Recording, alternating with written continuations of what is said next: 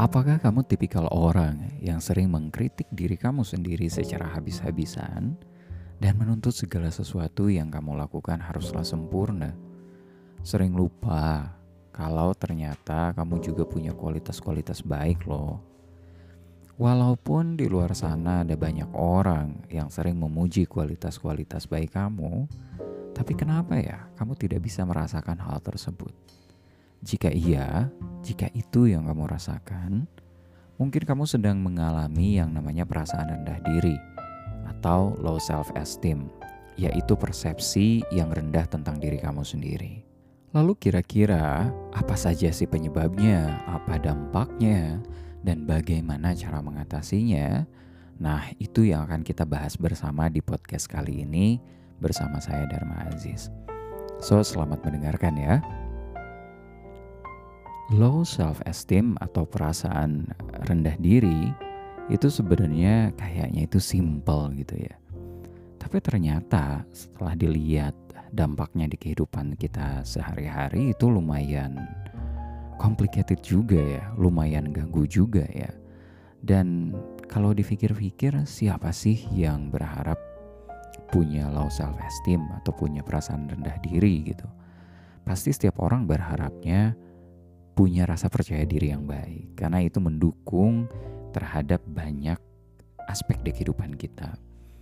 Nah, kemarin saya tuh sempat ngumpulin beberapa artikel atau baca beberapa artikel yang membahas tentang low self esteem ini dan menemukan beberapa fakta tentang dampaknya dalam kehidupan kita sehari-hari gitu dan bentuknya seperti apa sih low self esteem ini. Nah, di sini sudah ditulis biar nggak lupa. Low self esteem ini bentuknya bisa pertama berupa perasaan negatif. Seperti kesedihan yang mungkin kok bisa tiba-tiba sedih aja gitu ya gitu. Habis itu depresi, kecemasan ya kemarahan yang tidak terkendali, perasaan bersalah yang tidak pada tempatnya, atau muncul dalam bentuk relationship, masalah relationship misalnya kita mau ngelakuin apa aja deh demi pasangan kita, demi teman-teman kita. Padahal kalau dilihat hal itu bukan hal yang baik loh gitu. Tapi kita mau melakukan hal tersebut karena kita takut kehilangan kasih sayang mereka. Nah, itu juga salah satu bentukan dari low self esteem. Lalu takut mencoba hal baru, ya kan? Nah, sebenarnya kan banyak banget nih hal menarik di dunia ini. Hal yang belum pernah kita lakukan, belum pernah kita coba, tapi karena adanya low self esteem ini, kita jadi takut mau mencoba hal tersebut. Kita nggak yakin kalau kita bisa, kita nggak yakin kalau kita mampu. Lalu yang berikutnya sikap perfeksionis sikap perfeksionis ini biasanya orang sangat bangga kan ya. Wah gue tuh orangnya tipenya perfeksionis nih gitu. Ini semua harus serba sempurna gak boleh ada kesalahan sedikit pun. Tapi tahu gak sih teman-teman ternyata itu adalah salah satu bentukan dari low self esteem gitu atau persepsi yang rendah terhadap diri kita sendiri itu gitu Lalu ada perasaan takut terhadap judgement dari orang-orang gitu. Kita lebih sensitif terhadap judgement dari orang-orang. Jadi membatasi kita, akhirnya kita susah untuk bersosialisasi dengan orang lain. Takut untuk bersosialisasi dengan orang lain karena waduh jangan-jangan dia merhatiin nih baju gue yang kena tintas titik atau dia merhatiin nih sendal gue yang warnanya nggak match dengan baju gue gitu. Padahal sebenarnya belum tentu loh. Belum tentu orang akan zoom in dengan apa yang kita gunakan, apa yang kita pakai. Tapi kita didera sama ketakutan-ketakutan semacam itu gitu. Lalu nih yang agak lumayan mengerikan, kita membahayakan diri kita sendiri atau melukai diri kita sendiri gitu. Nah itu juga termasuk dari bentukan atau dampak yang kita miliki dari low self esteem itu gitu. Untuk dampaknya sendiri ada banyak dampak kenapa seseorang itu bisa mengalami kondisi seperti ini atau kondisi di mana punya persepsi yang rendah terhadap dirinya sendiri. Yaitu di antaranya adalah orang-orang dengan masa kecil yang memiliki orang tua yang sangat kritis secara ekstrim terhadap anak-anaknya dan mungkin terutama kritisnya itu bukan kritis yang membangun tapi cenderung kritis yang menjatuhkan. Misalkan masa kamu gini aja nggak bisa sih? Gitu. Kok kamu bodoh banget? Gitu. Kok kamu bego banget? Ih kalau bahasa kalau bahasa Sundanya ih kok belegu kamu? Gitu. Gitu aja nggak bisa katanya. Gitu. Itu contohnya atau anak-anak yang di sekolahnya mengalami bullying. Karena misalkan performa di kelasnya nggak bagus karena nilainya jelek atau dia sendiri yang yang mengalami misalkan peringkatnya selalu paling rendah nih kok yang lain bisa tinggi? Nah di situ juga bisa memunculkan perasaan rendah diri ini. Atau orang yang sedang mengalami masalah yang cukup berat di hidupnya seperti masalah perceraian, masalah finansial, bangkrut misalnya, ataupun masalah kesehatan sedang mengalami sakit gitu. Sedang mengalami sakit. Lalu mengalami kekerasan fisik atau verbal dalam relationship. Kalau anak zaman sekarang, orang zaman sekarang bilangnya adalah terjebak dalam toxic relationship gitu. Memiliki pasangan yang tidak suportif dan malah cenderung melukai atau mengalami masalah gangguan mental seperti kecemasan dan depresi atau masalah sejenisnya. Itu juga bisa menjadi penyebab dari memiliki low self esteem ini.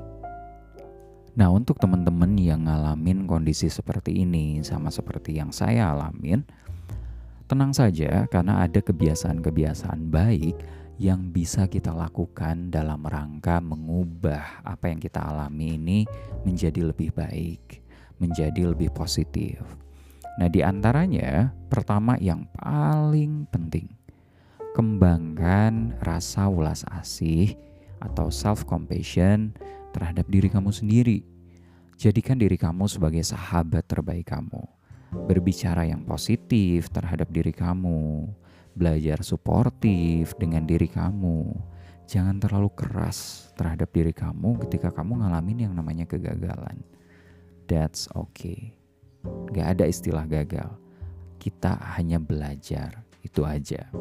Ganti setiap kritik yang kamu berikan terhadap diri kamu sendiri dengan afirmasi yang positif. Lalu, setiap kali kamu melakukan negatif self-talk atau berbicara negatif terhadap diri kamu sendiri, coba berhenti sejenak dan belajar untuk melihat diri kamu dengan lebih apa adanya kalau susah, coba bisa tanya ke temen yang kamu percaya dia bisa objektif terhadap diri kamu. Lalu, belajar hentikan kebiasaan membanding-bandingkan diri kamu sendiri dengan orang lain. Kamu perlu sering-sering mengingatkan diri kamu sendiri kalau setiap orang memiliki keunikannya masing-masing. Kadang-kadang kita scroll media sosial, eh gak sengaja kita membandingkan diri sendiri dengan apa yang kita lihat di media sosial. Nah, itu juga kita harus hati-hati. Lalu yang berikutnya, kelilingi diri kita dengan orang-orang yang menyemangati kita dan menerima kita dengan utuh. Jadi kalau misalkan kamu berada di lingkungan pertemanan yang cenderung negatif, ya mungkin sudah waktunya kamu move on dari pertemanan tersebut. Lalu kamu juga belajar untuk rayakan kemenangan-kemenangan kecil. Batasi diri dengan media sosial. Itu juga lumayan penting. Atau batasi diri dengan media sosial yang cenderung memberikan dampak yang negatif. Jadi cukup yang positif aja. Lalu yang berikutnya olahraga. Nah ini juga nggak kalah penting. Karena dengan olahraga itu bisa merilis atau melepaskan energi negatif yang terjebak di badan kita ya. Nah yang paling terakhir ini yang aku lakukan dan yang lumayan sangat sangat sangat penting yaitu berlatih meditasi. Karena kalau diperhatikan ya, semua tadi yang dibahas dari awal itu ada satu kata kunci yang paling penting, yaitu awareness, mindfulness, kesadaran terhadap diri kamu sendiri yang menurut saya pribadi itu hanya bisa dilatih ketika kamu bermeditasi, ketika kita berlatih meditasi. Begitu. Meditasinya simpel aja. Kamu duduk dengan santai, dengan rileks, dengan nyaman, dan kamu amati saja apa yang terjadi di dalam diri kamu. Amati yang terjadi di perasaan kamu, amati yang terjadi di pikiran kamu. Cukup seperti menonton TV, tidak perlu mengkritik, tidak perlu negatif self talk, tidak perlu ngapa-ngapain, cukup diperhatikan dan diamati saja. Begitu. Dan yaitu pembahasan untuk materi kali ini. Semoga mudah-mudahan bisa bermanfaat untuk teman-teman semua, untuk saya juga. Dan sebagai penutup podcast ini ada sebuah kata-kata yang sangat menarik yang mungkin bisa membantu kita semua untuk segera bangkit dari kondisi saat ini. Yaitu jika kamu mencari orang yang dapat mengubah hidupmu, lihatlah ke cermin. So, Sampai ketemu lagi di podcast yang berikutnya ya. Sehat selalu, bahagia selalu. Bye bye semuanya, namaste.